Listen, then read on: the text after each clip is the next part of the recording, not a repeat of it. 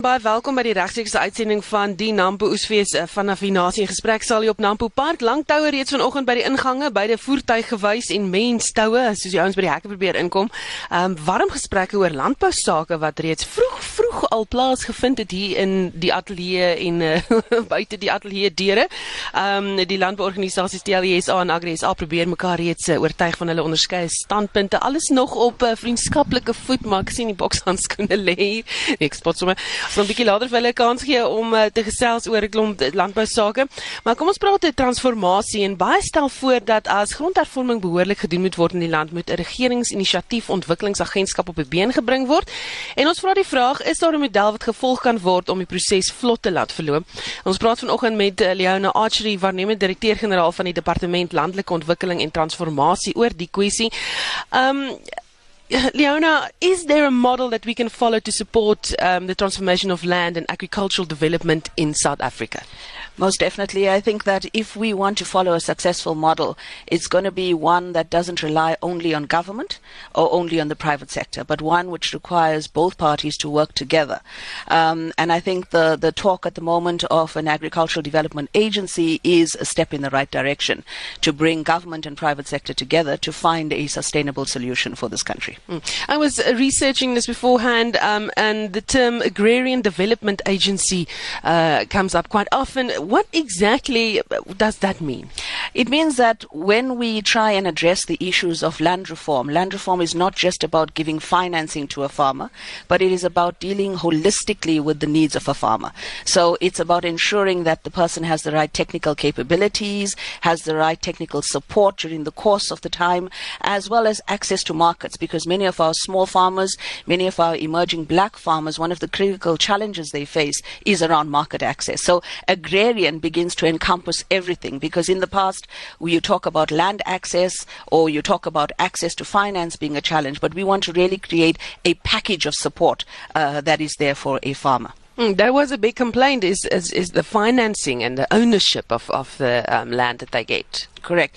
Uh, obviously, access to land is a critical aspect, but there's way, many ways in which to access land for farming because people always assume it's just about the land, but it's really more about what happens on the land after the land is acquired. So, government works with many programs in terms of giving people access to land through long term leases or through direct access in terms of acquisition. But the challenge that has been faced by many is how to develop that land and ensure that it's sustainable for the generations generations to come. Now, how important is rural development for South Africa? Rural development is critical. We have more than 17 to 20 million people still living in rural areas, uh, many of them living still in poverty with low income levels, uh, limited access to proper services, proper education, proper facilities. And I think if we want to transform our country, it is critical that we ensure that we have good rural development programs that help to drive the economy of the rural space. Remember, rural areas present great opportunities. Uh, many of our small towns and our villages have great natural resources that can be capitalized on to build those communities in an economic way. Hmm. Can we still afford huge informal settlements next to a little town in rural areas? Um, you know, will will transformation give these communities a second chance, maybe? Absolutely. I think that that is the critical thing. You do not want unplanned settlements, uh, both next to rural towns as well as in our cities. So you want to create sustainable rural-urban linkages. You want to create uh, towns which become economic hubs and hives that can give opportunity for job creation, uh, small business development, and really drive drive the entrepreneurs within those settlements so that we begin to give them better service access. We cannot, after all of these years of democracy, have people without access to good sanitation, good water. And all of those come from building a good economic base for the small towns to develop on. Mm. How far are we in this process uh, of, of establishing, you know, that whole system and helping these rural communities? Well, government has tried several programs over the years. If you remember, uh, COGTA, which is your cooperative governance department, had tried alongside the Small Town Regeneration Program. Uh, we've been working on the National Spatial Development Framework for the country to make sure that we have much more orderly planning because with the apartheid system, obviously, segregated planning approaches had created certain havoc within our spatial planning system. So we really want to ensure that we have good planning. We have the comprehensive rural development program. We have the agri parks programs that are trying to drive small towns uh, to begin to become economic hubs again. And can people help while they live in those towns? What can they do? Most definitely. I think there's a critical role for farmers to play, um, as well as your small businesses in those particular towns. How do we take hands together? How do we begin to develop partnership models with each other? And you find that your small and emerging farmers need quite a lot of support, and your established farmers can work together with them. We can help to create new markets within those space and really create a community of working together and helping to drive those economies. Thank you very much. Baie dankie dat jy so vroeg gekom het want dit is regtig baie vroeg en dit klink vir my julle het klomp planne gaan interessant raak in die kleiner dorpies. Almal dink die groot stede is waar dinge gaan gebeur. Dis die klein dorpies en dit is uh, die stem van uh, Leona Archery, waarnemende direkteur-generaal van die Departement Landelike Ontwikkeling en Transformasie oor uh, die kwessie waar nou net gepraat het en jy kan nou weer gaan verder jou uh, gremering gaan klaarmaak vir die televisie onder wat plaasvind. I should just correct. I'm um, not currently the acting director general. I was the acting director Ah. general. Uh, but I've now joined Biggin Africa, uh, which is also a private company that is working in agricultural development in our country. Sê baie dankie. Baie dankie. Leona Archery. Nou Agris aan die departement van Bosbou, Landbou en Vissery het uh, saamgewerk om die verbod op wol en diereprodukte na China, die uitvoer daarna te verlig. Uh, die verbod is ingestel na uitbreking van back and close hier in die land in Januarie vanjaar en by my in die ateljee by Nampo is Christo van der Rede, Agris as adjunkt bestuurshoof. Christo sê vir my die verbod is nou gelig, maar beteken dit die siekte is heeltemal hok geslaan? Die siekte is onder beheer. Uh onthou nou, die siekte het uitgebreek uh, vroeg in Januarie hierdie jaar. Uh wat verblydend was was die feit dat die departement sowel as die privaat sektor onder leiding van Dr Pieter Verwoerd, dit is nou die nasionale dieregesondheidsvereniging het bymekaar gekom. Hulle drie tegniese taakspanne gevestig, een wat moet fokus op die beheer, beheermateriaal, een wat moet fokus op uh kommunikasie en dan ook hoe om ons om hierdie verbod gelig te kry. Hulle het baie baie werk gedoen. Ons het uh, so 'n week of wat gelede met die Chinese ambassade ontmoet uh en hulle dan besluit om hierdie verbod te lig. Nou let wel, die verbod is gelig wel op wol en op dierevelle. Ons het nog nie die verbod gelig gekry in terme van die uitvoer van vleis nie. Vleisuitvoere maak maar 'n klein persentasie uit so wat 3%, maar dit het 'n wesenlike impak natuurlik op ons vleisprodusente wat gerig is op die uitvoermark. So hopelik kan ons dit ook gelig kry. Ons het 'n Chinese delegasie wat op pad is Suid-Afrika toe om seker te maak dat al ons beheermateriaal in plek en dat ons ook ons vleis ook met die tyd uitgevoer weer kan kry.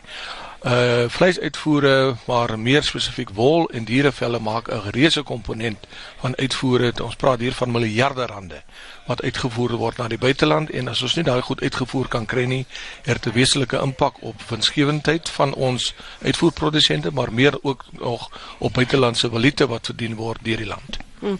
Hoe die hoe die uitbreking plaasgevind het, ons dan nie ek weet reëls regulasies in plek om so iets te verhoed nie. Ja, dit is baie jammer dat uh, jy weet dis in die Wembe distrik van daai diere was in kont het dalk uh, die grens oorgesteek na die Kruger Nasionale Park toe en dit is hoe die siekte maar versprei. Jy weet dit kom voor onder buffels. Uh en ongelukkig uh jy weet uh, is dit so dat indien daar 'n uitbraak is, waar dit ook al is en hoe klein dit ook al is, het dit 'n impak op die totale land. Uh en ons moet 'n manier vind om daarvan weg te kom. Ons moet onmiddellik as dit uitbreek, soos in die geval van die Wembe distrik, uh beheermaatreëls in plek sit. Mense mag nie dat diere vervoer nie. Hulle mag nie daaraan handel dryf nie en ons moet onmiddellik ons gesondheidsmaatreëls en ons gesondheidsinspekteurs instuur via ASE instuur om uh, die diere in te ent. Nou dit was gedoen en uh, maar dit is reaktief. Ons moet proaktief wees en seker maak dat ons elke uitbraak van siekte dat ons dit beheer, maar meer nog dat ons proaktief is in terme van ons biosekuriteitsmaatreëls. Hmm. Dan ehm um, weet kom ons praat nou weer 'n bietjie anders wat ook belangrik is die droogte in die land. Die knou boere. Ehm um, waar is die droogte die ergste? Waar kort mense hulp? Weet jy die Noord-Kaap uh, gaan gebuk onder geweldige droogte. Ons kan week na week oproepe van boere wat bitter swaar kry. Baie van ons boere het nie net nie meer geld nie. Jy weet hulle oorlaat skuld, hulle het produksielenings uh, wat hulle nie meer kan finansier nie. Hulle het ook nie meer geld om hulle eie huishouding, persoonlike huishouding te finansier nie. So dit gaan bitter moeilik. Ons werk saam saam met verskillende vennote om hulp by boere uit te kry, maar let wel 'n paar bale voer gaan nie 'n boer het nie. Ons het dringend regering intervensie nodig om ons boere uh, deur te dra want daarmee saam gaan uh, nie net voedselproduksie gaan verlore nie maar ook 'n reuse klomp uh, werksgeleenthede gaan verlore en ons sien die impak van die droogte uh, veral die ekonomiese impak en die sielkundige impak uh, daarvan veral op uh, kleiner gemeenskappe plattelandse gemeenskappe so die Noord-Kaap dele van die Wes-Kaap is maar daai sentrale Karoo kom en dele van uh, selfs die Oos-Kaap wat op hierdie stadium maar bitter swaar kry. Ja. Ehm um, wat sê die regering as jy so ernstig met hulle praat en sê luister ons kort hulp, wat is die antwoord? Hoekom is daar nog nie hulp nie? Ons het onlangs uh, met die regering uh, in gesprek getree en saam met die departement uh, van landbou uh, nou uh, neem kennis dat daar wel in die vorige begroting voorsiening gemaak is vir uh, uh, hulp aan die boere. Die ongeluk is daai hulp kom nie by die boere uit nie. Weskaap provinsie het baie baie goed gedoen. Hulle het wel baie hulp aan hulle boere verskaf. Uh, Noord-Kaap het aan die uh, beweeg gekom, maar meeste van die hulp gaan vir jou uh, bestaansboere. Nou, ons kommersiële boere kry nie noodwendig die hulp nie. Ons het 'n uh, groot geveg opgesit binne in die Oos-Kaap uh en ongelukkig uh, as gevolg van wanfunksionele departemente kom die geld wat deur nasionale tesorie beskikbaar gestel kom nie dit noodwendig by die boere uit nie. Maar let wel ons het uh dit is een ding om jy weet uh, geld te voorsien om uh boorgate te sink en om voer te verskaf. Ons het baie meer uh as dit nodig. Ons het eintlik uh jy weet 'n groot subsidie van die staat nodig. 'n uh, Heepboomfinansiering net om die boere deur te dra deur hierdie droogte seisoen. En in baie gevalle kom dit al vir 4 tot 5 jaar al aan. Mm. En wat voorspel julle nou vir hierdie volgende komende tydperk, jy weet die toekoms as ek dit so kan stel, jy weet die droogte hou nie net op nie. Ja, ons jy weet ons kan nie anders as om net te bid en absoluut van kritieke belang vir hierdie land. En, en mense wil net hê dat die regering moet dit besef. As ons ons boere verloor, kan ons hierdie land se sosio-maatskaplike stabiliteit in ernstige gedrang bring. Want as mense honger is, dan is hulle tot alles in staat en dit die stem van Christo van der Rede van Agri SA. Ons praat ook met Benny van Sail van TLE SA en uh, ek gaan vir die, dieselfde vraag vra of begin daarmee, jy weet dit was nou verkiesing, almal het gepraat oor grondhervorming, dink jy dit het die fokus weggeneem van ander belangrike kwessies in die landbousektor? Ek dink ons moet vir mekaar sê dat die landbou is op die oomblik gebuk onder 'n verskeidenheid van aspekte en op die einde van die dag gaan dit vir ons oor winsgewendheid. 'n Boer moet wins wins maak om volgende jaar weer daar te wees. En al hierdie aspekte wat Christo reg genoem het, speel in en nog en nog en nog. 'n Baie groot faktor is beleidsonsekerheid. En hierdie hele ding van grondonteiening sonder vergoeding is 'n baie groot saak in die siege van 'n boer. Dis 'n harde realiteit. Maar Suid-Afrika moet besef, dis nie net 'n boer se probleem nie. Ons grondwet sê bates word nie tot grond alleen beperk nie. As hulle daardie rigting gaan en hulle begin in 'n grondwet inskryf dat 'n regering van die dag die burger se bates kan vat sonder om daarvoor te betaal, is dit laat in die dag. Wie gaan belê in so 'n land? En daardie risiko is baie groot. Daarom het ons nou wel selfs hier by Nampo, is 'n wonderlike belewenis, die kapasiteit wat hier by mekaar kom, die kundigheid. Het ons ook hier 'n veldtog geloods waar ons sê SOS oor eiendomsreg. Mense kan by ons stalletjie kom draai maak. Hulle kan op ons webblaaie gaan kyk. Ons sê vir mekaar dat ons moet ernstig met die regering gaan praat. En ek dink ons sit met 'n dilemma van meneer Maposa staan nou op 'n pad en hy staan by 'n vurk. Gaan hy kies om Suid-Afrika te red of gaan hy nou kies om die ANC te red? Gaan hy die regte ekonomiese beginsels beslag gee dat ons ons ekonomie kan laat by groei uitkom? Dit is krities belangrik. Ons moet kapasiteit skep om die dilemma van Suid-Afrika aan te spreek. Ons het 'n wesenlike werkloosheid en armoede probleem. Die sosio-maatskaplike dilemma rondom dit groei en groei by die dag. As ons nie die ekonomie groei nie, gaan ons dit nie kan oplos nie. Daar's nie 'n ander manier nie. En dit begin by beleggersvertroue en vertroue wat die regering moet uitstraal met 'n beleidsomgewing. Hulle kry dit nie reg nie. Hierdie werkloosheid onder die ANC beleid is besig om te groei en te groei en te groei. En ek dink die rasioneel denkende mense, ek wil amper sê daai 3 miljoen mense wat belasting betaal om vir 17,5 miljoen mense sosiale toelaat te gee, is die mense wat sê, kom ons kyk anders na Suid-Afrika. Kom ons begin die regte beginsels neersit en ons kry kundigheid in en ons los hierdie beleid van regstellende aksie en die goed uit en ons sê ons kry mense op meriete dat ons 'n verskil kan maak om seker te maak die regte besluite word op die regte plekke geneem dat daar vertroue gebou kan word. En dit is die dilemma wat ons het. So ja, ons sê ons moet hierdie saak aanspreek. Gwedi Mantas het by geleentheid vir my gesê As ons 'n besluit by die konferensie neem, gaan ons hom uitvoer. Ons het nie 'n keuse nie. Ons moet dit doen. Hulle is vasgevang in hulle eie ideologie en daarom gaan hulle op op 'n manier en ek weet nog nie hoe nie hierdie saak deurvoer. Nou. Goed dan, so uh, waar dink jy moet ons nou heen gaan met die debat? Ek dink dat ons moet in Suid-Afrika baie seker maak dat ons op 'n manier kyk, hoe kan ons hierdie hele ding in 'n rigting stuur dat ons rasionele denke op die tafel kry en ons moet dit doen met positiewe druk. En ek ek sluit daarbey in buitelandse druk dat ons moet seker maak Suid-Afrika se beleidsrigting gaan by hierdie vurk die regte rigting gaan. Ons moet konstruktief bou, ons moet positief wees, ons moet oplossings kom en ons moet seker maak dat ons die markkragbeginsel nie verloor nie. As ons luister van bemagtiging op plase, dan moet ons seker maak dat dit op so 'n manier gedoen word dat die markkragbeginsel op die einde van die dag bepalend is vir almal. Enige boer word daardien getoets en ons moet dit oorbrug. Kritiese saak wat Christo ook genoem het is die hele kwessie van die regering moet tafel toe kom ten opsigte van rampbestuur. Ons sit met 'n dilemma. Sy hulp op die oomblik gaan na daai mense wat op landbougrond sit en sosiale toelaag kry. En hy gee vir elkeen twee sakke voer. Dit skuif niks nie. Dit help nie die 67% van ons land se bevolking wat verstedelik is nie. Ons het kommersiële boere nodig wat vir 'n mark produseer. Dit kan daai swart boer wat 20 kassies tomaties op die sypaadjie verkoop insluit. Dit is boere, mense wat vir 'n mark produseer en dit is die kernbelangrikste saak wat die regering moet in ag neem. Dit is sy grootste bate wat hy in hierdie land het. As hy dit verloor, dan het hy groot probleme en ons moet dit koester en uitbou en seker maak daar stabiliteit in die landbouomgewing. Ons beleef dit nie op die oomblik nie. Die onsekerheid is te groot en dan gaan dit aan. Ek dink 'n volgende oorlog is water. Ons praat nog van die krag. Ons kan aangaan aangaan en die fokus is vir ons nie aldag reg nie. Ek voel baie daar amper die ANC probeer homself red terwyl die res van ons Suid-Afrika probeer red. Hmm. Dan ehm um, ons ons praat nou van die droogte en jy het gesê water, maar jy weet eh, hoe ervaar julle dit uit julle geleeder uit? Waar is daar probleme? Jy weet hoe droog is dit?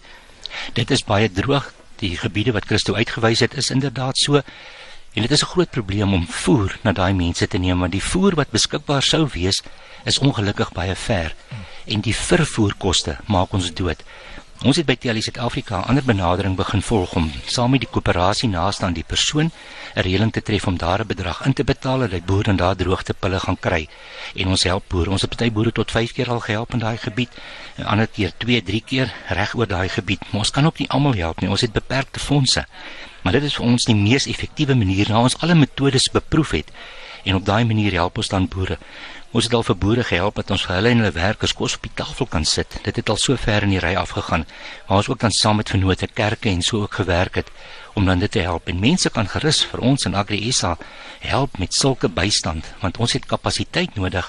Ons het die middele, ons het die kanale om boere te help en ons wil dit graag doen want ons moet kyk of ons hierdie boer, want hy's die beste boer. En dis nie sy skuld dat dit droog is nie. Dat ons hierdie boer op die grond in produksie hou, dis baie belangrik.